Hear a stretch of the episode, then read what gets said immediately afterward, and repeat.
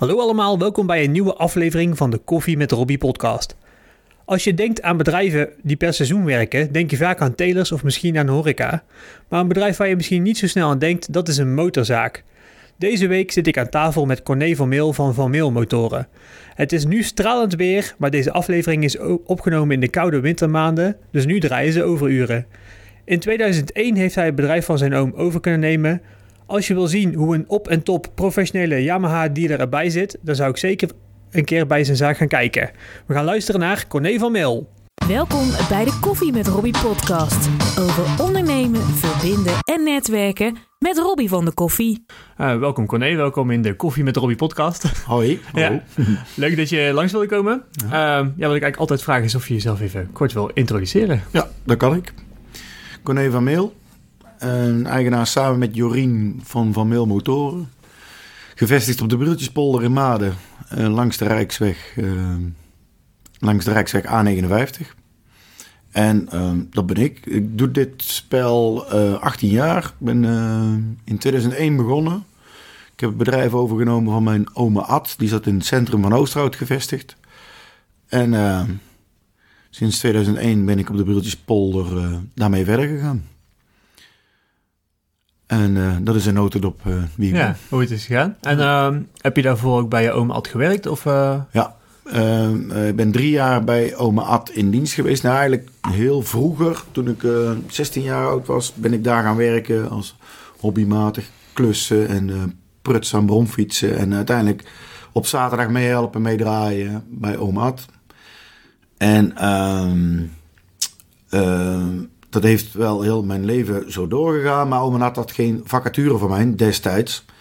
En in 1996 vroeg oma had aan mij van... Goh, um, ik wil mijn bedrijf verkopen. Zou het iets zijn voor jou om dat over te gaan nemen? En toen uh, bracht het een heel andere boodschap met zich mee. En toen ben ik uh, in 97 bij oma Ad gaan werken met het idee om zijn bedrijf over te nemen. Oh, gaaf. Ja. En dan 2001 is het daadwerkelijk gebeurd? Ja. Dus heb je nog wel vijf jaar echt... Uh, hoe zijn die vijf jaar geweest? Ja, die, drie jaar. Een beetje of moeilijk. Drie, sorry. Ja. een beetje lastig, want oom Ad ja. wilde eigenlijk zijn bedrijf uh, degraderen, verkopen, ermee stoppen. En ja. ik wou juist uh, het omhoog vijzelen en hoger op een hoger segment brengen. Mm -hmm. Dus ja, een beetje verschil van mening en een verschil van gedachtegang. Maar ja, uiteindelijk brengt dat elke overname wel met zich mee, denk ik. Um, alles goed gegaan en uh, naar alle tevredenheid opgelost. En, uh, en ik eigenlijk uh, met zijn voorraad begonnen in 2001. Ja, leuk. Ja. En toen ben je gelijk naar de Beeldjespolder in Maden gegaan? Ja. Ah, ja. Want um, ja, ik wilde het bedrijf overnemen op zijn plek. Maar het bestemmingsplan van de gemeente Oosterhout die vertelde iets anders. Want er zat al een... in zijn pand zat een... Um, had zijn pand verhuurd voor een gedeelte. En het andere gedeelte zou ik dan kunnen huren om daar te beginnen. Mm -hmm. Maar uh, de gemeente Oosterhout vond het niet goed dat er twee detailhandelbestemmingen op kwamen te zitten. Ah, ja. Dus toen, uh, ja, toen zei oma Ad van nou dan ga ik dit pand verkopen. En dan, toen ben ik doorgegaan met het zoeken naar grond, het zoeken naar gelegenheid. En met hulp van mijn vader, Jos van Meel. Die wist toen te vertellen dat er grond te koop kwam op de Briltjespolder. En nou goed, ja. En daar van start. Ik denk wel echt een A-locatie. Je zit ja. echt aan de snelweg. Perfect. Uh, was dat toen ook al zo'n mooi aanzicht? Want als je nu voorbij de A59 rijdt, zie je heel groot van milmotoren staan. Ja. Nou goed, hebben we in de jaren wel uh, steeds verbeterd. In het begin uh, alleen letters op het pand en aan de rand verlichting erin. En ja, een gelegenheid om een spandoek op te spannen met leuzen erop. En, maar die zichtlocatie, ik ben me er nou eigenlijk wel heel erg van bewust hoe mooie functie dat die eigenlijk automatisch heeft. Want um, over te zeggen wie ik ben en waar ik zit, hoef ik eigenlijk nooit... Uh, nee, nooit heel moeilijk te doen. Daar hoef ik nooit moeilijk over te doen. Nee. Het is nog nee. wel een klein beetje lastig om er te komen. Mm -hmm. Vanwege dat de afslag uh, anders is gesitueerd. Je moet bij Maren eraf en dan de, het industrieterrein volgen. Ja. En uh, ja, je gevoel zegt van nou, als je vanuit Zettogenbos langs komt rijden, van oh, het zit aan de rechterkant, ik moet bovenaan rechts om er te komen. Oh ja, klopt. En dan sukkel je het dorp in en dan... Uh, ja, en zie je het dan maar eens te vinden. Ja, nou goed, dan is het nog twee keer rechts en dan kom je er uiteindelijk ook wel. Er is nog nooit Ja. iemand geweest die het niet heeft kunnen vinden. Nee. Maar dat wordt wel als vervelend ervaren. Maar, Ja. Ja, maar inderdaad, dat is eigenlijk heel made hoor, wat dat betreft. Want Ja. als je zeg maar, naar Oostenrijk moet, heel veel mensen begrijpen niet hoe het daar precies zit. Ja. Dus dat, eh, ja, typisch. En gaaf, en nou al inderdaad eh, een hele tijd bezig. Ja. Eh, en wat doet Van Mil Motoren? Want dat is natuurlijk al een mooie... Ja, ja, inderdaad. Ja. Ehm, in de eerste instantie motoren verkopen en een heel klein beetje reparatie. Maar die reparatie die werd steeds meer. En het motoren verkopen werd steeds meer. Dus wij zijn er een aantal takken van sport bij gaan doen. We hebben een eh, uitgebreide kledingshop boven gesitueerd. Met motorkleding die er ook bij hoort bij eh, motors verkopen, vind ik. En het, eh, het nodige onderhoud wat ook bij motors verkopen hoort. Want je kunt enerzijds wel een motor verkopen, maar daarna krijg je toch vragen van... Goh, ik heb nog even dit of ik heb dat, of ik wil nog een aanpassing of ik wil een accessoire erbij. En als je geen technische ruimte hebt of geen werkplaats, om het zo maar even mooi te zeggen... dan kun je daar niet aan voorzien. Sowieso moeten die nieuwe motoren klaargemaakt worden. Er moet eh, nog van alles aan accessoires op. Dus je hebt gewoon een werkruimte nodig. En in die werkruimte daar werken drie monteurs. Twee volleerd monteurs, één leerlingmonteur. En eh, er zit zelfs een speciale... eh, Wouter, Wouter zit daarvoor een speciale man die het werk aanneemt en ook verdeelt. En ook ja, uiteindelijk de contacten tussen de, tussen motorrijders en eh, werkplaatsplanning. En, eh, dus eh, ja, kledinggedeelte. Eh, we hebben daarnaast ook nog motorverhuur. In de zomerseizoen dan hebben wij onze demonstratiemodellen, zoals dat mooi heet. Motoren waar je op kunt proefrijden. Die verhuren wij ook. Dus nou, Ja, ja, je eh, hebt geen motorrijbewijs wel? nee, nee, ik heb geen motorrijbewijs. Ja, nee, dat... eh, Jammer. Ik heb ook altijd gezegd van als ik dat ga doen, dat... eh, ja, nou ja, ik, ik ben altijd bang dat ik dan zeg maar te hard zou gaan rijden of gevaarlijk zou gaan rijden. Ja, Ehm, dus ik heb eigenlijk nooit die stap gezet. ik denk dat mijn vrouw er heel erg blij mee is wat dat betreft. oké. Maar ik ken heel veel mensen die bijvoorbeeld eh, een motorrijbewijs hebben al heel lang geleden. En die eigenlijk altijd zeggen van, oh, ik wil eigenlijk nog wel eens een keer een motor Ja. gaan rijden. Hè, om het weer eens eh, het gevoel te hebben. Dat is natuurlijk een hartstikke mooie situatie als je dan eh, een tijdje een motor kan huren. Of Ja. voor een dag een motor kan huren. Ja. Ja, leuk. Ja. Ehm, had je vroeger ook al zo'n eh, zo'n werkplaats zoals achter? Of eh, ben je begonnen zonder? Nee, we hebben altijd een werkplaats gehad achter. Alleen die was niet zo bemand als dat die nou is. Nee, En ehm, ja, dus in de jaren destijds gewoon zo gegroeid. geupgraded. Ja. En, En je zei ook dat er iemand is die zeg maar, eh, de contacten legt tussen de, de motorrijders en de technische werkplaats. Dus Ja. eigenlijk iemand die zeg maar, het werk verdeelt. Ja. Een beetje een planner slash... Mhm. eh, waarom heb je daar iemand tussen zitten? Waarom laat je daar niet die gasten gelijk doen in de... Ja, ehm, allereerst de communicatie is wel een, puntje. En ehm, ik, eh, ik vind monteurs die vinden, vind heel erg goed in hun vak. Maar als die elke keer van het werk af moeten om mensen te bellen van nou, met de storing die erin zit. Dan worden ze van de werkzaamheden afgehaald. En ehm, ik denk effectief dat het veel beter werkt dat een monteur gewoon zijn ding kan blijven doen. Ja. En desnoods even aan de kant zetten en met iets anders kan beginnen. En dat iemand anders dan even contact opneemt en dan zegt wat de situatie is. Dat werkt uiteindelijk veel makkelijker. Ja. ja, zeker als ze gewoon heel goed zijn in technisch. Laat ze dan gewoon zoveel mogelijk sleutelen. Ja, daar zijn ze goed in. Ja, Ja, dat bedoel ik. ja. En hoe, hoe, hoe sta je daar zelf in? Want je bent natuurlijk zelf ook... eh, nou, je zei al, begonnen met, eh, met prullen als hobby. En eh, vervolgens ook natuurlijk daarin steeds verder gegaan. Nou ja, ik heb dus als geen ander kunnen merken... als je zelf eh, aan zo'n apparaat aan het werken bent, als een motor... dan moet je je gedachten erbij kunnen houden. En elke keer telefoon of zelf bellen of gebeld worden... of van je werk afgehaald worden... ja, dat... ja, dan, eh, in feite word je dan uit je stramien gehaald. Het is ja, eigenlijk net als een eh, chirurg die aan het opereren is. Dat hij steeds telefoon krijgt, dan... ehm, Ga je fouten maken. En dan, fouten eh, maken. weet je, en dan, je wil gewoon best kwaliteit afleveren. Ja. Dus nee, ja, goede stap. Logisch. Ja. Merk je dat het handig is dat je zelf ook technisch onderlegd bent?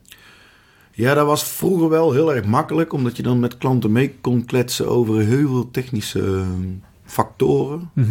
Dan zie ik wel dat die technische factoren meer verschuiven richting internet, dus fora waarover geschreven wordt. Alleen ik merk, wat ik zelf merk is dat eh, mensen zelf, hè, dus mijn klanten, eh, wel erover mee kunnen kletsen, maar niet zelf kunnen uitvoeren. Tenminste, Ah. dat is het idee wat ik erbij wat Ja. achter heb. Ja, dus dat ze zeg maar, wel weten van hoe het in allemaal nooit echt effectief gedaan hebben. Dus vaak iets hebben opgezocht van... Ja. Eh, weet je, zoals tegenwoordig ook inderdaad mensen een klacht opzoeken voor hun gezondheid. Ja. Online even gaan zoeken van dit zijn de symptomen, ik denk dat dit en dit is. Ja, en dan ja, ja, kom je natuurlijk op die forums uit en Ja. dat soort dingen. Ja. Ja, een mooie ontwikkeling. Ehm, ik denk dat je daar ook mee de ontwikkeling van internet eh, goed ziet. Eh, Ja, klopt. Hoe werkt die binnen jullie bedrijf? Want ik denk dat het... Eh, ja, dat wordt ook steeds. ja, ehm, ja eh, hoe moet ik dit nou mooi omschrijven? Toen ik begon, 2001, was internet een bijkomende zaak. Ja, het was een manier om te adverteren met je motoren. Maar tegenwoordig is het. eh, een webshop is eh, niet meer uit een bedrijf weg te denken. Communicatie via e-mail is niet meer weg te denken. En het opzoeken van onderdelen is niet meer weg te denken. Dus ja, wij hebben echt, internet hebben echt brood nodig. Als de stekker van internet eruit gaat, hebben we echt een probleem. Ja, Ja. en zie, en zie je dat daar veel eh, voordelen mee zijn gekomen? Want je zegt net al het opzoeken van onderdelen. Ehm, ik hoor wel van veel eh, autobedrijven dat het dat onderdelen op laten sturen en dat soort dingen, dat dat super snel gaat tegenwoordig. Ja. Waardoor je dus ook minder voorraad hoeft te houden. Ja, klopt. Is het ook in de motoren zo? Ja, is precies hetzelfde. Mhm. Alleen, eh, ja, wij lopen nog wel iets achter als het gaat over de automobielindustrie. Kijk, ik kan onderdelen bestellen tot rond de middag ongeveer. En dan wordt het de volgende dag ge- geleverd. En ik denk een autobedrijf dat ze Dezelfde dag vaak nog. ja, eh, dezelfde dag eh, geleverd krijgen. Of eh, Ja. dat ze tot laat kunnen bestellen om het de volgende dag geleverd te kunnen krijgen. mhm. Eh, ja, daar gaat het bij ons ook langzaam naartoe. Maar ja, wij lopen wat dat betreft nog wel iets achter op de automobielindustrie. Ja, maar op zich logisch natuurlijk, want uiteindelijk zijn er minder onderdelen in de motoren die er rondgaan. Zeg maar. Er zijn minder motorzaken dan dat er autozaken zijn. Ja, ik denk dat een, eh, een auto is nog steeds een noodzakelijk eh, apparaat. Dus je, ja, net als jullie met de koffie rondbrengen, moet je niet voorstellen dat die bus kapot is, want dan kun je Nee. het ding weg. Nee. En bij een motor is het toch nog wel eh 90% hobby. Mhm. Dus ja, is dan eh, de snelheid van leveren heel erg belangrijk of iets minder belangrijk? Natuurlijk belangrijk om zo snel mogelijk die monteur weer van onderdelen te voorzien, zodat die motor ook weer het snelste klaar is. Maar ik denk dat eh, ja, motoren toch iets minder noodzakelijk zijn dan dat een auto is. Of een, eh, Ja, of vaak een- hebben mensen ook nog een auto natuurlijk, Ja. naast een motor. Gelukkig wel een verschuivingje. Mhm. Er zijn eh, elke dag volop files te ontdekken bij ons voor de deur. Begint die 's morgens om 9 uur, of ja, om 9 uur staat het ram vast Ja. en na, na de middag staat het ram vast. En ik denk dat wel steeds meer mensen eh, gebruik gaan maken van een, motor als vervoermiddel. Ja. En niet zozeer als een hobby, eh, hobbymatig. eh, ja, ook wel hobby, maar dan uitgegroeide hobby. Dat is, het begint bij hobby, van nou leuk om met de motor te rijden. En uiteindelijk van nou, waarom rijd ik niet met de motor naar het werk toe? Ja, net zo makkelijk. En Ja. eh, als jullie daarin kunnen voorzien, hè, er zijn, natuurlijk, eh, zijn er veel verschillen in tussen eh, hobbymotor en, en wer- woon-werkverkeermotor? Ja, kijk, uiteindelijk woon-werkverkeermotor, dan wil je bescherming. En eh, het regent helaas wel eens in Nederland. Wel eens, ja.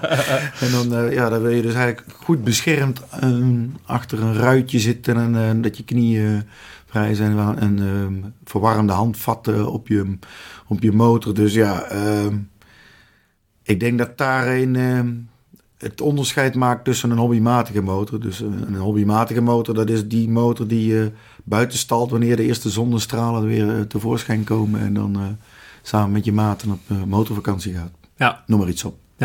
En is dan is dat ook het grootste gedeelte van jouw klanten? Dat is het grootste gedeelte van mijn klanten, ja. En ehm, ja, ik verwacht toch nog wel een verschuiving. Kijk, ehm, ik vind dat de regering het weinig stimuleert. Als ik eh, in Frankrijk kijk en ik rijd door Parijs of ik ga op vakantie in Parijs, dan zie ik een overvloed aan motorscooters die eh, aan de rand van de stad wonen en in de stad werken en eigenlijk niet met de auto daar kunnen komen. Eh, lees Amsterdam. Ja. En in Amsterdam zie ik daar wel ehm, eh, collega's die rond Amsterdam werken, die eh, hoor ik wel vaak dat ze veel motorscooters verkopen. En echt veel van woon naar werk. En in, in het Brabantse is dat nog niet echt van toepassing. Maar ik denk wel dat er een langzame verschuiving komt. Ja, ja ik denk dat het ook voor een groot gedeelte te maken heeft met eh, parkeergelegenheid. Ja. Dus hè, kun je je auto nog kwijt. Dat wordt ook steeds lastiger. Overal in de stad eh, is sowieso een drama als Ja. je in de stad werkt om daar te parkeren en als je dan van buitenaf komt. Dus Ja. dan zoek je al vaak zelf zo'n oplossing. Ja. Ehm, ja, en dan zeg maar de opkomst van de elektrische fiets zal misschien daar ook wel een stukje van opslokken, denk ik. Maar de elektrische fiets is meer voor eh, in de stad zelf. Ja. En ehm, je hebt van die speed pedelecs heet hem. Ja, ja, klopt. Die dan kun je- 45, die dingen, niet En die dingen die zijn dan ook eh, weer echt om te vervoeren. Maar dan vind ik dan weer, eh, ja, eh, het is de rand van de stad.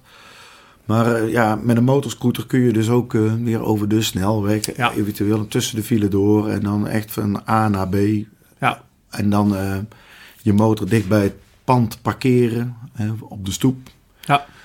Dus eh, ik zie alleen maar voordelen. ja nou, hartstikke mooi toch? En daar moet je ook zeker eh, naar kijken. hè, Want ja, hobbyisten hou je toch. Ja. En dat zal ook zo blijven. Mhm. Ehm, en die hobbyisten, want je zegt net zelf al van joh, die komen in de zomer als eerste zonstraaltje. Dan gaan ze naar buiten, hè? Dan, zijn- Klopt. hè, dan gaan ze alles plannen. ja. Ehm, hoe ga je daarmee om? Want dat betekent wel dat het seizoenswerk is. Ja, enorm seizoenswerk. In de eerste eh, zonnestralen maand, ongeveer maart ongeveer, dan eh, kunnen wij niet bijhouden met, eh, met en reparatie en om ervoor te zorgen dat iedereen weer eh, veilig op pad kan. Want in feite wordt die, ja, gaat zo'n motor bij de meeste hobbyisten ergens in oktober, november, nagelang het weer, omstandigheden, gaat hij in de winterslaap. En eh, na die winterslaap komt hij er weer uit. En dan, eh, ja, ik heb de eerste toertocht gepland in maart. En nou start hij niet. En dan kunnen jullie hem niet ophalen. En, en uiteindelijk proberen we er zoveel mogelijk te voorkomen. Om in de wintermaanden die motoren op te halen. Te servicen. Mhm. Terug te brengen. En zodat die dan, wanneer de eerste zonnestralen weer is. Met één druk op de knop eh, gewoon weg kan rijden. Want ja, dat, dus dat paniekvoetbal, dat wordt wel steeds minder. Mhm. Maar eh, ja, eh, in feite eh, geven we zelf aan in de winter van nou, zorg er nou voor dat die van de zomer weer klaar staat, zodat je ermee kunt rijden. En dan proberen we nou eh, een voorziening voor te treffen Ja, in de wintermaanden. oké. Nou, dat is wel mooi natuurlijk. Ja. Ook voor jullie, want dan is jullie werk beter te verdelen. Klopt. Want, want ehm, dat betekent ook dat er in de, in de winter minder werk ligt. Klopt. Eh, hoe, hoe doe je dat dan met je mensen? Want ja, je hebt toch altijd nog allemaal mensen bij jou op de zaak lopen. Ja, acht om precies te zijn. Ja, Ja. En ja, die moeten dan uiteindelijk gaan voorbereiden voor het nieuwe seizoen. Mhm. Waar ze druk mee bezig zijn. Ehm, Kevin, die bij ons de kleding, eh, eh, die op de kledingafdeling staat, die is druk bezig met een webshop aan het maken. En eh, een, een, geoliede webshop die er beter gaat werken als de vorige. Daar is hij druk mee bezig.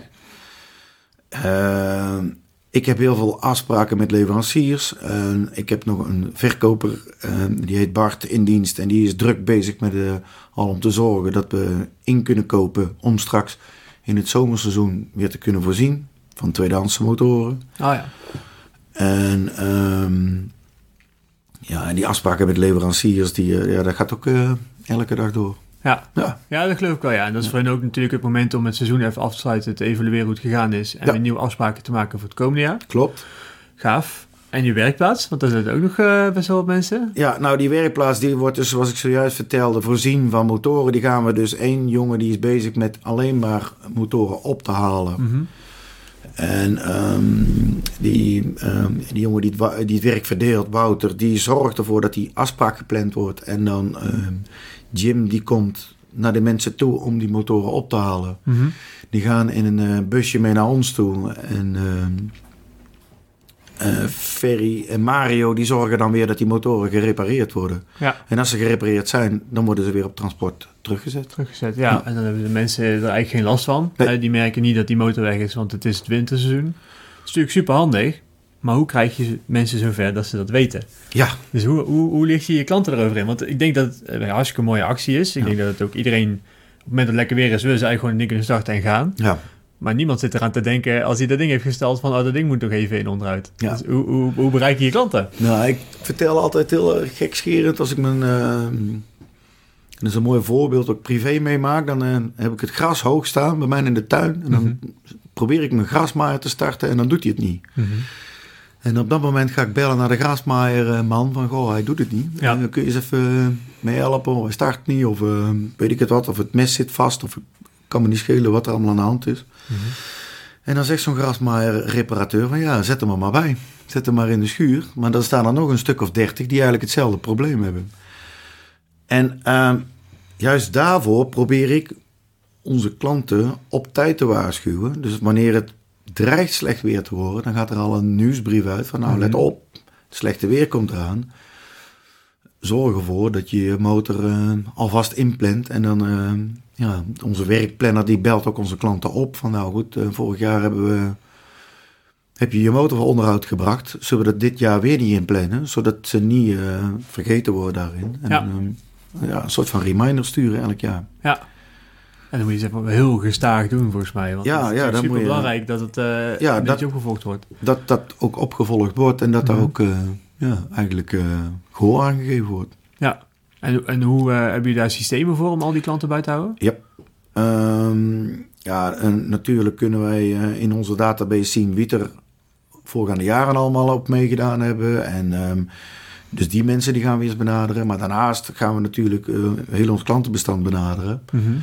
Om te zeggen, om daarvoor te waarschuwen. En de ene zegt van, joh, ik heb daar geen behoefte aan, want ik rij elke dag. Dus die woon-werk, Ja. verkeer. Ja. Mensen die zeggen van, joh, mijn onderhoud zit meer aan kilometers vast. En de andere die zegt weer van, ja, inderdaad, hij is weer, eh, hij is weer jarig, mijn motor. Hij moet weer een keer. Ja, hij mag weer aan de gang. Ja, hè, Zorg dat hij, eh, dat hij klaar staat. Ja. Ja. En die planning kun je daar vaak wel over heel het winterseizoen trekken. Dus dan Ja. maakt het niet zoveel uit of het begin of het einde is. Nee, ja, ehm, uiteindelijk, ehm, eh, welke maanden kunnen we daarmee voorzien? De, de maanden december, januari en in februari. En met een beetje geluk zitten we dan alweer in het goede weer. En Ja. ehm, beginnen we weer met ons seizoen. Ja. En ja, dan, ja, dan komt alles weer uit de kast. Dus dan is het ook weer eh, het- afleveren van nieuwe motoren. We lekker dus ook wel eens soms wachten van, nou ja goed, we wachten op januari 2020 in dit geval om mijn nieuwe motor op kenteken te zetten. Oh ja, soms is het natuurlijk Ja, gunstig net in de overgang. Nou, gunstig. eh, bij auto, in de automobielwereld is dat eh, meer een verhaal. Hè, die leveren in november al geen auto's meer af, omdat ze dan willen wachten tot januari. Bij ons is dat minder, omdat wij onze motoren die hebben meer. ja, eigenlijk iets minder aan bouwjaren. Het is meer. ja, bij. Auto's is datum eerste toelating is echt van belang. Mhm. En ik denk dat bij motoren dat minder van belang is. Ik denk eh, kilometerstand en hoe zo'n motor eruit ziet eigenlijk, eh, Belangrijk. is. eigenlijk nog net zoveel meeweegt als Ja. dat die... eh, Ja, omdat je hebt natuurlijk veel meer met stilstand te maken. Ja. En dat is bij auto's meestal niet. Die worden gewoon opgereden. En, en tenzij het een oud vrouwtje is. En dat is natuurlijk het verhaal. ja. Maar een motor, ja, je weet niet hoe die in het seizoen is geweest of niet. Of dat Ja. die veel buiten is geweest of niet. Ja, dat van, klopt. ja, dus ik, ik geloof wel dat als je een motor van 15 jaar oud hebt, dan kan die nog best wel in een hele goede conditie zijn. Ja. Als hij netjes is bijgehouden en de kilometerstand is niet zo super hoog. klopt. Ehm, en jullie doen ook wel best wel wat aan tweedehands motor, als ik jou zo begrijp. Tenminste, je gaat nu op zoek, want het is natuurlijk eh, koperstijd. Ik bedoel, eh, iedereen heeft een binnenstaan en denkt, ah, ik weet eigenlijk niet of ik het wel wil. En dan toch maar even proberen. Ja, het is eh, gek, want als je eh, deze conjunctuur, dat gaat eigenlijk eh, hartstikke goed en er wordt volop verkocht. En er is hartstikke veel vraag naar tweedehandse motoren. Maar eh, we krijgen ook wel een heel klein beetje een verschuiving. Dus uiteindelijk hebben wij een tekort aan tweedehandse motoren bij ons in de shop. En die moet ik echt, eh, waar ik die vroeger door inruil kreeg, moet ik ze nou echt op gaan zoeken om ze aan te mogen kopen van iemand. En dan, eh, ja, dan moeten wij ook de particuliere eh, markt in. Of we moeten zelf aan het groot handelen om die motoren in te gaan kopen. Ja, Er is gewoon een tekort. ja, inderdaad. En dan komt dat dat mensen langer op een motor blijven rijden of dat ze hem helemaal afrijden? Nou, nee, nee, ja, uiteindelijk omdat het... eh, er is meer eh, vraag naar. Dus het, eh, de rijbewijsafgifte die stijgt. Ah, ja. Dus we hebben meer jeugd die eigenlijk weer op, op zoek gaat naar motoren. En die zijn er simpelweg gewoon niet. Tenminste, de goede modellen. De, de, de modellen waarvan eh, iedereen zegt van ja, maar die wil ik niet. Ja, die zijn er natuurlijk volop te koop. ja, maar die hoef je ook niet in je showroom Nee, die heb ik ook niet nodig. nee, ik je zeggen, ja. Ik, ik wil ook wel populaire modellen in mijn Ja. showroom. Ja, En daar is echt, een, eh, echt veel vraag naar. En. Dat is eh, een, eh, een tourmotor of een, ehm, zo'n naked bike. Die, daar is op dit moment heel veel vraag naar. En daar is gewoon een tekort aan. ja. En, en hoe, waar zoek je die nu? Is dat... eh, Ja, we moeten zelfs al verder als Nederland gaan zoeken om, eh, om die motoren te kunnen kopen. Dus eh, ja, er wordt al gekeken in België of in Duitsland, dicht in Duitsland. Maar ja, eh, in feite het liefste in Nederland om Nederlandse motoren terug te kopen van, van een particulier. Maar ja, als jij lekker rijdt op je motor of je hebt er geen zin in om te verkopen, dan, ja, Dan Nee. ga je die ook niet verkopen. Nee, nee, en dat is ook logisch natuurlijk. En hoe zie je dat dan ten opzichte van nieuwe motoren? Eh, en hoe werkt het eigenlijk? Welke merken hebben jullie staan? Ja, we hebben maar, ehm, wij vertegenwoordigen één merk, Mhm. een heel sterk merk, dat is Yamaha. Mhm. En ehm, dat is een best groot merk. Ik, ehm, ja, ik geloof op dit moment dat eh, het merk als BMW, die is op dit moment marktleider. Heeft ook wat te maken met eh, dat die heel veel voorzien in eh, politie en in, ehm, ja, in de gezondheid zelf. Volgens mij hebben die Echt een allemaal... beetje overheid. eh, Overheids- ja, ja. ja. En daardoor hebben ze, meerdere, hebben ze meer tenaanstellingen op die modellen. Ja, oké. Maar je- daarom zijn ze marktleider in Nederland. ja, maar wij komen met het merk Yamaha op een goede tweede plek. Mhm. En wij voorzien dan weer meer in de particuliere markt. Alleen ja, we kunnen niet winnen van het merk BMW omdat die voor de overheid voorzien. Nee, oké, maar die hebben waarschijnlijk een keer een tender gewonnen op, op motorfietsen. Klopt. En, eh, Ja. Dat is toen, eh, ja, dan ga je massa draaien. Ja. Maar of je daar al vrolijk van wordt, eh, vaak moet je ook Nou. heel veel toeleggen op een motor als je zoiets... Ja, dat weet ik niet, want dan is dan meer van de importeur uitgeregeld richting Ah, ja. de... er zit ook richting- geen dealer tussen natuurlijk die dat... Nou, die dealer zit er wel tussen en die, heeft dan, die mag dan het onderhoud genieten. Ah ja, ja. Dus dat is dan ook weer een mooie bijkomstigheid. Eh, wij hebben zo'n... eh, met het merk Yamaha hebben wij een tender gewonnen bij eh Marechaussee. Oh ja. En de lichte politiemotoren. Dus de, ja, meer de stadspolitiemotoren. Mhm. Maar ja, de goed, daar, die worden dan in de grote steden zoals Amsterdam en in Breda, denk ik dat ze daar ook wel rondrijden. Maar ik heb nog geen... we hebben ze nog niet uit mogen leveren aan de politie. Of, Nee. En ook geen onderhoud van mogen genieten. Nee, nee. En hoe wordt het dan met Yamaha geregeld? Heb je dan zeg maar, eh, want zo'n tender is dan landelijk. En ik neem aan dat Yamaha zegt van nou, we gaan kijken welke dealers in de buurt zitten Klopt. die dan dat onderhoud gaan doen. Ja. Dus het zou voor jullie ook zo zijn van joh, eh, jullie mogen aan die gemeente of die... Ja. Eh, ja, oké. Dan mogen wij die motor uitleveren. Mhm. En daarna krijgen wij hem ook weer als onderhoud eh, aangeboden. Maar eh, ja, de gelegenheid heb ik tot nu toe nog niet gehad. Dat wil zeggen dat de gemeentes nog niet aan het wisselen zijn. Hè, want Mhm. die hebben waarschijnlijk nog motoren. Ja. En eh, wanneer die aan kilometers zijn of aan leeftijd zijn, dan worden ze uitgeleverd. En daarna pas, eh, Ja, kun je onderhoud eh, Ja. binnenkrijgen. Ja. klopt. ja, en dat is ook vaak ook wel aan iets strengere regels dan aan... tenminste, vaak zie je dat er een, een vast, vaste prijs is afgesproken voor zo'n onderhoud. Dat neem ik aan eigenlijk, want dat is je- een- misschien de aanname hoor. Nou ja, goed, die, dat onderhoud is gewoon vastgesteld. Wat moet, dat moet. Wordt van, ja, er wordt gewoon... ja, wanneer, als, al- eh, wanneer iets versleten is, moet het gewoon vervangen worden. Dingen moeten gewoon veilig op de weg. En, eh, Ja. en soms hangt het aan kilometers vast. En bij politie hangt het vaak aan kilometers vast. Rijden enorm veel. Ja, zeker. En ehm, ja, komt daar gewoon eh, elke 10.000 kilometer komt een motor binnen voor een onderhoudsbeurt. Maar dat is bij onze klanten, bij onze hobbymatige klanten, kan dat soms wel twee jaar duren voordat Ja. die 10.000 Ja. kilometer verstreken zijn. Terwijl wanneer het in het bedrijfsleven of inderdaad voor overheid is 10.000 kilometer iets van een half jaar. of zo. Ja, zeker. En zeker als ze patrouilleren en motors, die worden veel gebruikt, gaan maken veel kilometers. Dat geloof ik ook wel, ja. En waarom alleen Yamaha? Ja, ehm, toch wel een bewuste keuze. Yamaha zelf, die, ehm, die, heeft, eh, die heeft natuurlijk... ehm, het kantoor van Yamaha Europa zit in Nederland. En Europees gezien is het zo dat ehm, multibrand stores, eh, meerdere merken winkels, die zie je alleen maar in Nederland. In ehm, rondomliggende landen, België, Frankrijk, daar is het echt zo dat ehm, daar alleen maar winkels die ingericht zijn met het enige merk Yamaha of het enige merk BMW of het enige merk Honda, ga zo maar wel door. Mhm. En Yamaha Europa die heeft verzonnen van ja, waarom in Nederland eigenlijk niet ehm, exclusieve winkels? Mhm. En ehm, ik ben samen met eh, nog zeven andere ondernemers eh, bezig met het exclusieve Yamaha dealerschap. En dat wil zoveel zeggen dat eh, wij met dat ene merk ehm, ja, proberen zoveel mogelijk eh, klanten in een iets grotere regio te, te bedienen. En, ehm, en Yamaha die, eh, die wil daar graag mee doorgaan. Dus dan, ehm, ja, wij zijn eigenlijk een voorbeeld om ehm, tegen andere merken te zeggen van nou, ik snap niet waarom dat jullie niet met één merk gaan werken. En Yamaha die is daar best wel, eh, ja, die hebben, daar, eh, die hebben dat hoog in het vaandel staan om dat zo uit eh, te waaien. En, en eh, ja, daar willen ze ook graag mee doorgaan. En ik ben wel eens bezig geweest om meerdere merken Hè, want het is natuurlijk veel makkelijker om nog meer merken erin te zetten. Kun je nog meer klanten te bedienen. Maar Mhm. Yamaha zegt van, nou, dat vinden wij niet, geen, geen goed plan natuurlijk. En wij eh, willen graag dat je met het ene merk door blijft gaan. Maar het is wel zo dat wij steeds meer ehm, dingen mogen doen. Hè. We doen ook de crossmotoren van Yamaha. We mogen de vierwielige voertuigen, de quads of ATV's, mogen we verkopen. En ook ehm, dingen als golfkarren, elektrische golfkarren mogen Ja. verkopen.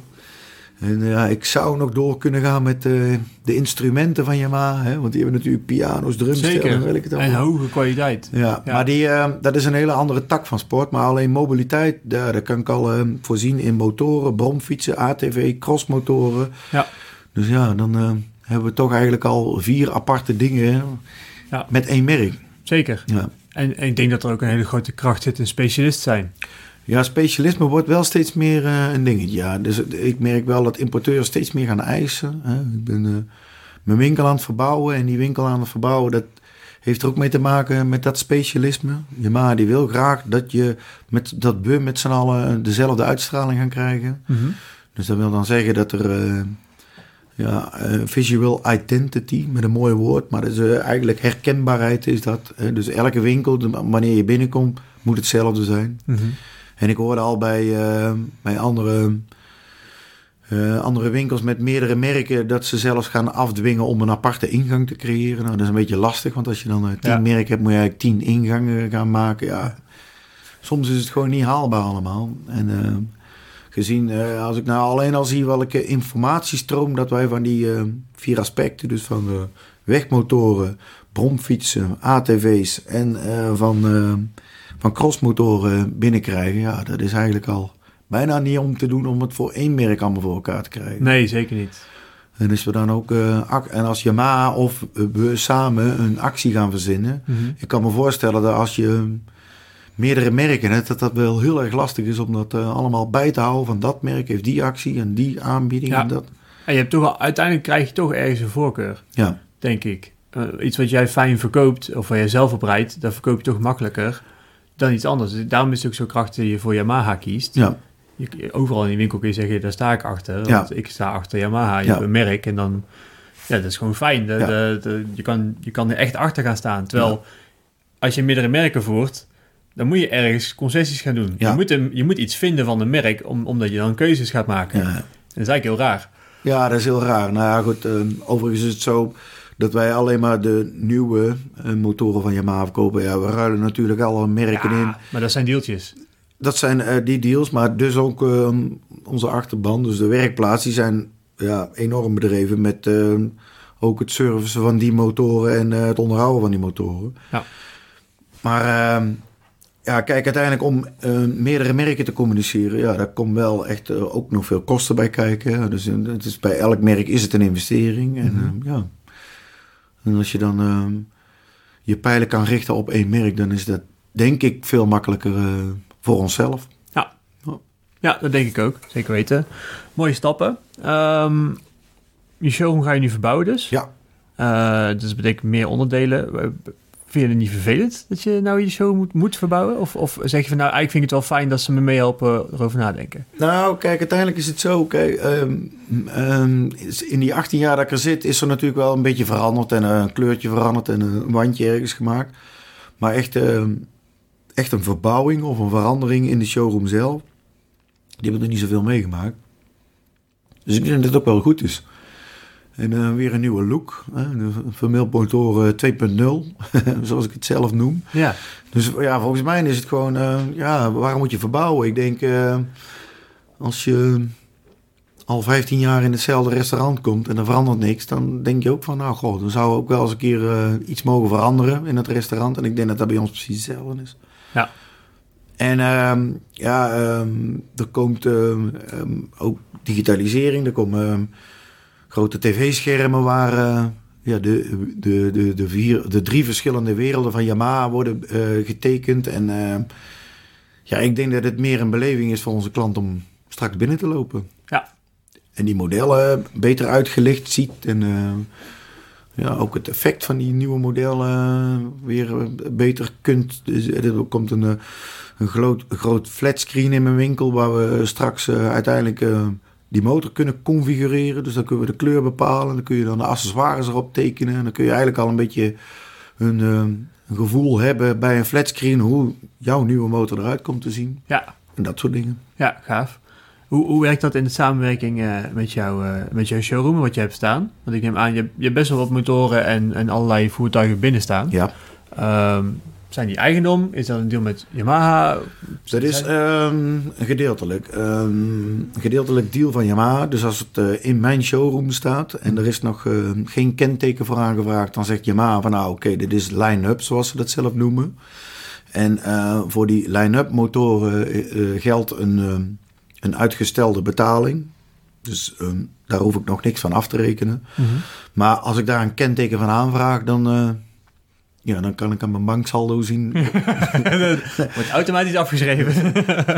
En, ehm, ja, en die, die periode van die uitgestelde betaling, die is ook niet, ehm, niet eh, voor, voor- Oneindig, zeg Nee, maar ja, er zit een termijn aan. er zit een termijn aan en dan moet ik gewoon je afrekenen. hem staan. En, En dan word ik gewoon eigenaar van de motor. Dus maar ehm, als Robbie van Mechelen bij mij een motor komt bestellen, dan ga ik voor Robbie die motor bestellen. En als ik dus het kenteken aanvraag voor Robbie, Mhm. dan is die ook al van mijn rekening af. Dus het is, ja, eh, voor zo'n importeur is het ook wel vrij strak geregeld allemaal. Ja. Maar alleen de motoren die ik communiceer in mijn showroom, waar ik dus alleen maar laat zien aan mijn klanten van, goh, dit is dat model. Mhm. Daarvan kan ik een uitgestelde betaling genieten. Ja. En hoe, hoe doe je dat dan met testritjes? Want ik denk dat heel veel mensen graag even een rondje willen rijden. Ja, nou goed, dat is dan eh, via een importeur kunnen wij een demonstratiemodel aanvragen. Mhm. Dus die blijft eh, in diezelfde betalingsregeling, alleen daar zit dan een kenteken op aangevraagd. En ook daar word ik eigenaar van op het einde van de rit. Dus het is voor ons interessant om die motoren eh, gewoon weer op het einde van het seizoen te verkopen. En dan weer eh, voor het nieuwe seizoen, in dit geval 2020, weer nieuwe modellen aan te vragen. En eh, die weer opnieuw te kentekenen. Ja. En dan uiteindelijk weer te gebruiken en aan het einde van de rit weer te verkopen. ja. Ja. En hoe is jouw samenwerking met de andere Yamaha eh, dealerschappen? Dus die, de mensen, net zoals familiemotoren die ergens anders in het land zitten. Ja, Hoe is dat verdeeld? Want je hebt natuurlijk wel, je zegt allemaal een beetje dezelfde showroom, ja, een beetje dezelfde ingang. ja. Eh, hoe, hoe werken jullie naar elkaar toe? Want dat is wel... eh, Nou ja, goed, die, eh, die samenwerking is wel ehm, geboren tussen de exclusief dealers, dus die alleen maar met dit merk Yamaha werken. mhm. Daarvan hebben wij eens per kwartaal een overleg van ehm, welke kant in, hoe gaan we het doen en welke manier. En ehm, ook die showroom inrichting, die is uh, veelal hetzelfde. Mhm. Dus daarmee kun ik dan ook van gedachten wisselen. Maar van iemand die meerdere merken heeft, ja, dan is dat een heel andere facet. En die hebben ook hun, hun eigen contacten weer binnen Yamaha. En uh, daarbinnen is ook nog, uh, je hebt ook nog een, een soft franchise gedeelte in Motorland. En die hebben dan op hun beurt weer, weer uh, overlegd met het soft franchise uh, gebeuren. Mm-hmm. Dus dat is ook weer een andere tak van sport. Ik kan eigenlijk wel zeggen dat we eigenlijk alleen maar communiceren met die exclusief Yamaha dealers. En ja. Ja, Yamaha communiceert dan weer zelf met hun.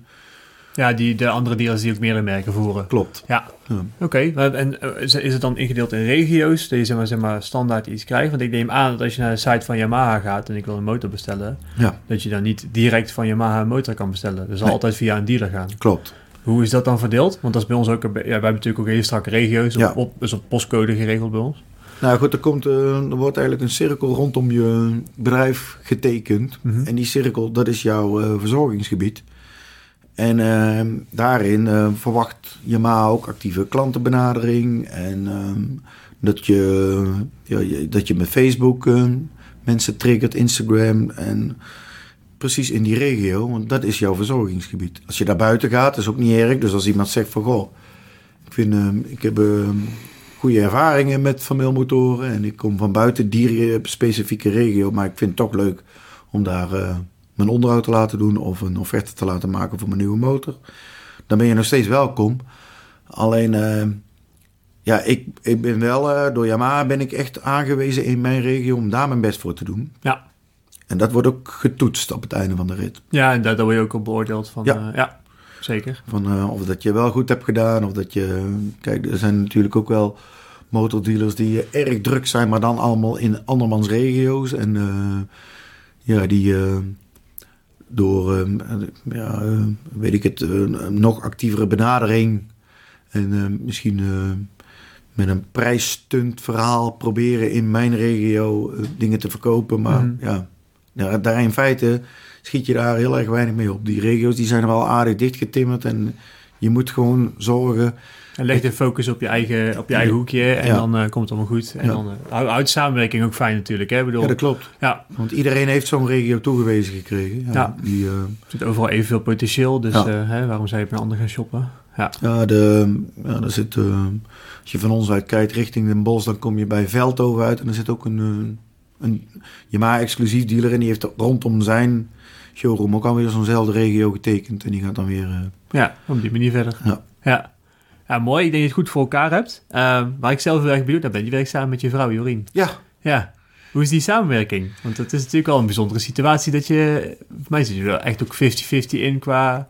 Ja, wij eh, doen dit al van het begin af aan samen. Uiteindelijk was zij, eh, toen ik begon, nog werkzaam bij, eh, bij een bedrijf. Maar ja, dat kon echt niet meer gecombineerd worden. Want Mhm. ehm, Waarom niet? ja, dat is- we, we kregen handjes tekort. En ehm, ja, ik had eh, toen ik begon daar zo maar één man personeel. Dus ik moest al, eh, al snel schakelen. En ehm, ja, de makkelijkste invulling was dat mijn vrouw Jorien dan mee kwam helpen. Maar die, Mhm. moest, eh, ja, die heeft uiteindelijk bij de toenmalige werkgever voor elkaar kunnen krijgen... om dan steeds minder dagen te gaan werken.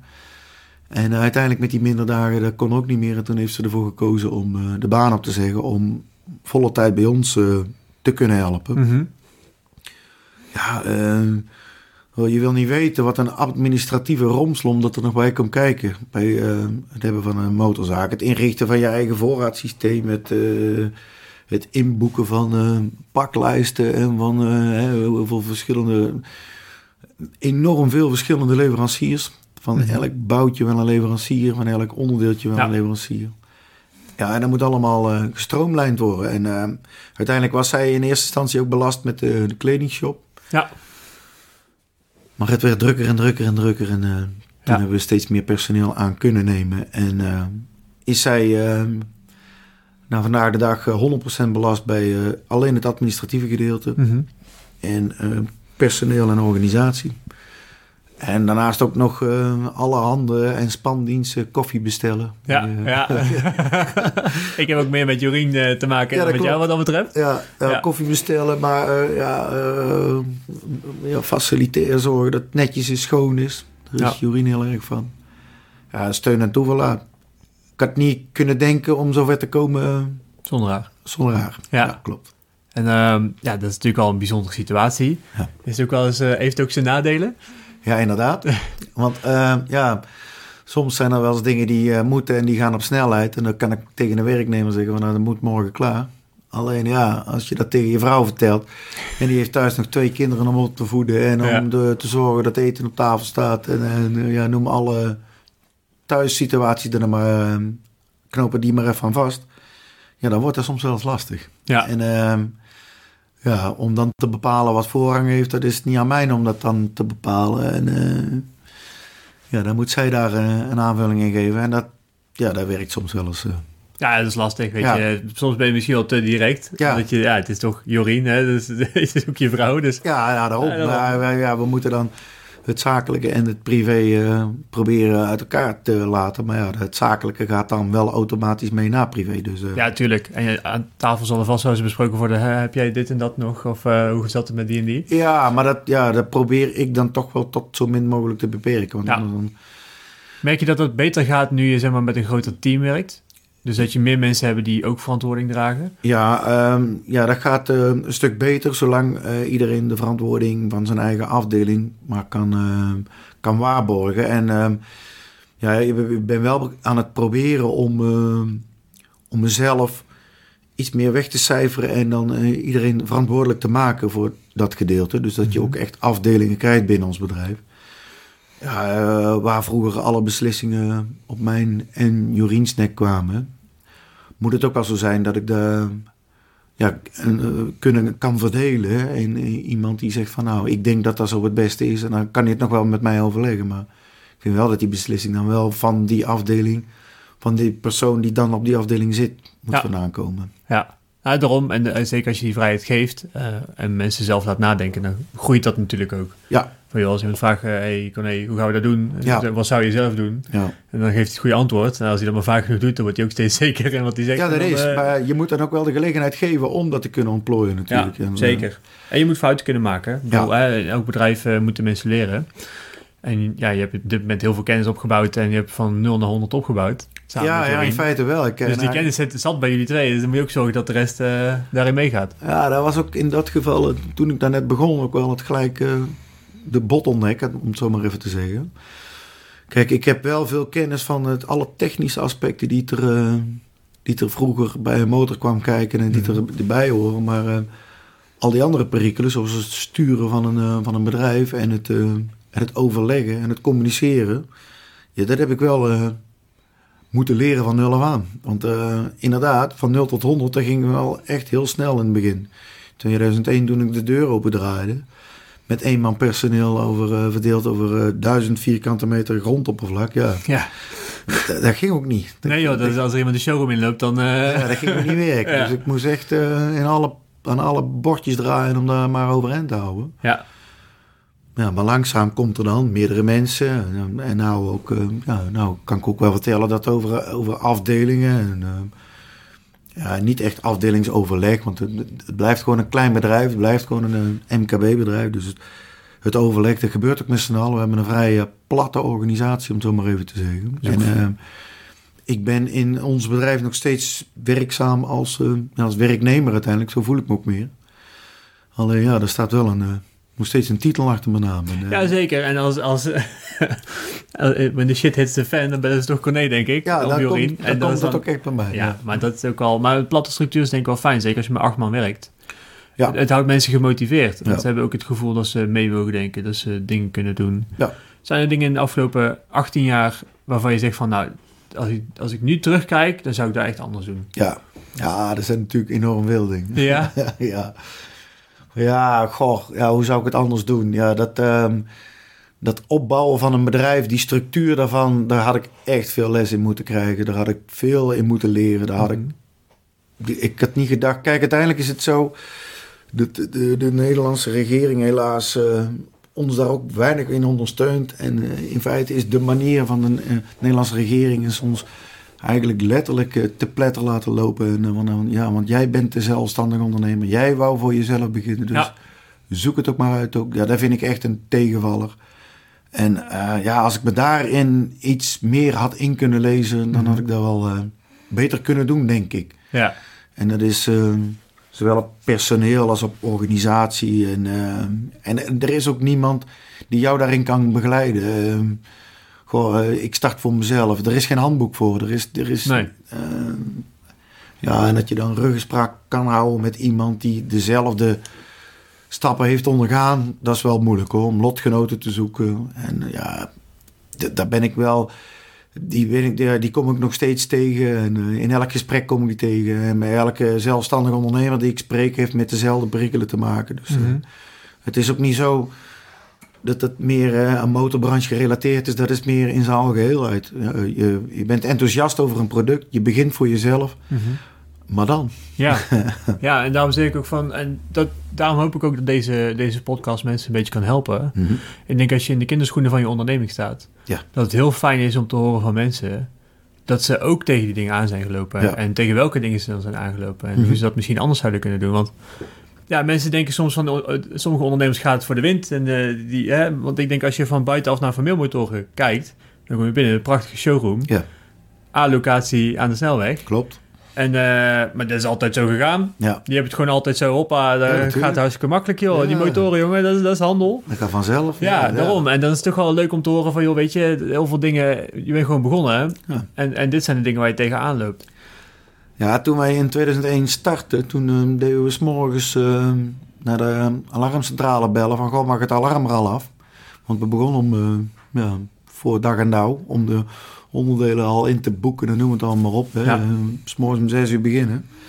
En s'avonds moest ik elke keer weer naar de alarmcentrale bellen van nou, het wordt iets later. Uh, Ja. Want ja, je hebt één schakeltijden van het alarm en dan, dan moet je bezorgen dat je daar binnen blijft. En elke avond moest ik bellen daar naartoe. Ja, en eh, ja, het, resulteert in veel uren werk. En veel, eh, ja, dat is hetgeen wat hè, we... Binnen onze openingstijden zijn we er natuurlijk, 100%. Maar eh, buiten onze openingstijden wordt er nog steeds nagedacht en gewerkt en gedaan. En Ja. En dan krijg je een stukje ondernemerschap vaak. In de winkel ben je vaak zeg maar, degene die de mensen te woord staat, eh, de problemen oplossen. ja, Maar dan het stukje extra, ja, ja dat is dan toch, eh, komt allemaal bij kijken. dat, komt- dat wordt meestal in de avonduren gedaan. Ja, Het extra. ja zeker. Ja.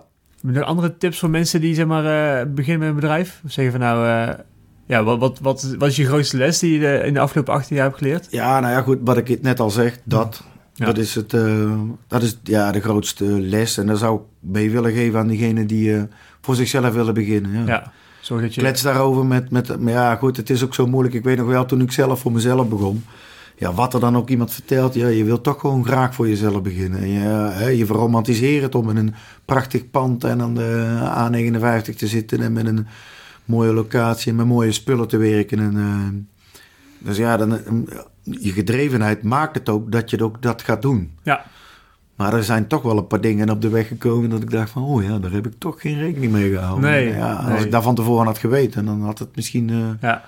Eigenlijk zou er iets van moeten zijn, hè? ja, daar, maar maar, er is, ik heb geen handboek gevonden. Echt Nee, niet. nee, dat is zonde. Dat is echt... eh, er is ja, kletsen met eh, zelfstandige ondernemers die hetzelfde hebben meegemaakt. Ja. ja.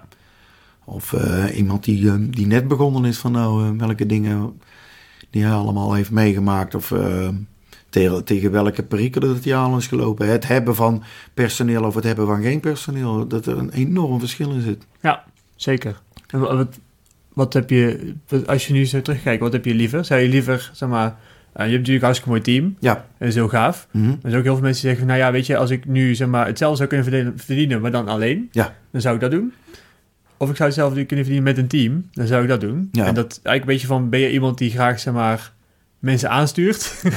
of ben je eigenlijk gewoon iemand die liever alleen werkt, maar die gedwongen is om in die situatie te komen? Ja, ja, ja, dat is een hele goeie. Kijk, uiteindelijk is het, ehm, wat ik in al die jaren heb meegekregen, is het in ieder geval zo, dat je in zo'n groot pand met zo'n showroom kun je niet met een klein team werken. Dus dat moet je zo'n team hebben die we nou hebben. Ja.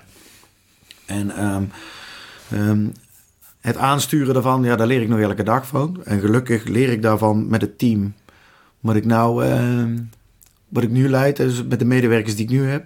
En eh, ja, die triggeren mij nou ook daarin. En van nou, we zouden eigenlijk eens dit of we zouden dat. Ehm, maar ik ehm, eh, kom ook vaak ondernemers tegen die bij ons motoronderdelen komen kopen. En die werken dan alleen. En die, die staan in een kleine oppervlak en die hebben één brug. En eh, die zijn bezig met motors te repareren. En die hebben niet enorm veel verkoop. Maar die verkoop die ze hebben, die eh, kunnen ze zelf doen. En dan denk ik ook, ja, mm, mm, ja dat heeft ook wel weer iets. Mhm. Maar het is vaak wel zo. En dan ga ik weer helemaal terug naar vroeger hoe ik begonnen ben. Mhm. Dan krijg je telefoon en dan ben je weer afgeleid. En dan, eh, dus, en, en dan belt er weer iemand en, eh, van nou, ik, heb, ik sta daar met stukken, kun je niet even komen? Dan moet je de tent weer afsluiten om in je bus daar naartoe te gaan. Kijk, ja, dat kan je natuurlijk niet eh, allemaal in je eentje doen. Nee. Dus, ehm, ja, dat is, dus ik denk dat er een manier is van hè, jezelf afsluiten en alleen maar motors repareren. Mhm. Maar als je motors gaan wil verkopen, dan zul je toch een grote showroom hebben en Ja, met meerdere mensen moeten zijn, want anders dan eh, werkt Ja. het allemaal niet. Ja. Dus eigenlijk, hè, wat je zegt, is zeg maar, je bent zelf zo gegroeid en nu ben je blij dat je zo staat. Ja, Maar je kan ook heel goed begrijpen dat die vent die alleen is, dat die... ja die snap ik ook heel Ja. goed. Ja. Ja, maar inderdaad, hè, weet je, het moet ook een houdbare situatie zijn. Ja. En ik denk, eh, naarmate mensen ouder worden of aan een, eh, richting een pensioen gaan of gewoon, dan is het heel fijn als je het zo hebt gestructureerd, dat je Ja. zo meteen jezelf ook kan misbaar kan maken. Ja. Dat die tent ook steeds draait. En dat is vaak het probleem waar die kleinere ondernemers tegenaan lopen. Op het moment dat je iets mankeert, je breekt je been, Ja. dan lig je stil. Kun je gewoon je geld verdienen. Klopt. En dat, dat, zeg maar, dat soort dingen, ja, dat is waar ze dan vaak niet over nadenken. Nou ja, goed, dan zouden ze ervoor kunnen kiezen om een ehm, ZZP-jongen aan te nemen, om die dan aan werkzaamheden allemaal eh zou ja, kunnen dat, doen. dat zou inderdaad een optie zijn. Dat zou een optie zijn, maar ehm, ja, dat is toch wel vaak. En ehm, ja, ik heb ook al heel veel jonge ondernemers gezien die beginnen met eh, een hefbrug en een bak gereedschap. En van nou, ik ga motors repareren en ik ga voor mezelf beginnen. En die uiteindelijk ervoor kiezen van nou, misschien uh, ik ga er eens een dealerschap naast doen. Hè? Dus uh, het repareren en ook nog verkopen. het verkopen van motoren. Ja. ja. en als je dat per se alleen wil blijven doen, ja, dan... ja, nou, dat is, dat is moeilijk. Dan is het je beste vriend, dat ja. kan ik wel vertellen. Ja, ja dan wordt het een hele lastige. Ja, daarom. En je tijd is ook heel waardevol. Nou ja, goed, dan uiteindelijk... Uh, ja, uh, dan moet je iets voorzien dat je dat kan allemaal kan opvangen. En ja, ik, ik zie daar niet zo in dat het uh, niet zonder mensen kan. Ik zie er niet in. Ik zou, ik zou niet weten hoe je dat moet doen. Dan, uh, nee, nee ja, daarom. Zeker weten. Nou, je zou het niet zeggen, maar we zijn weer 55 minuten verder. Zo. dus uh, we zijn klaar met de podcast. Leuk okay. dat je te gast wilde komen. Ik, ik heb heel, heel, heel veel geleerd over je bedrijf. En ja, ik hoop dat mensen er iets aan hebben. Dat hoop ik ook. Dankjewel. Benieuwd naar meer afleveringen van de Koffie met Robbie podcast? Beluister deze via Spotify of jouw favoriete podcast app.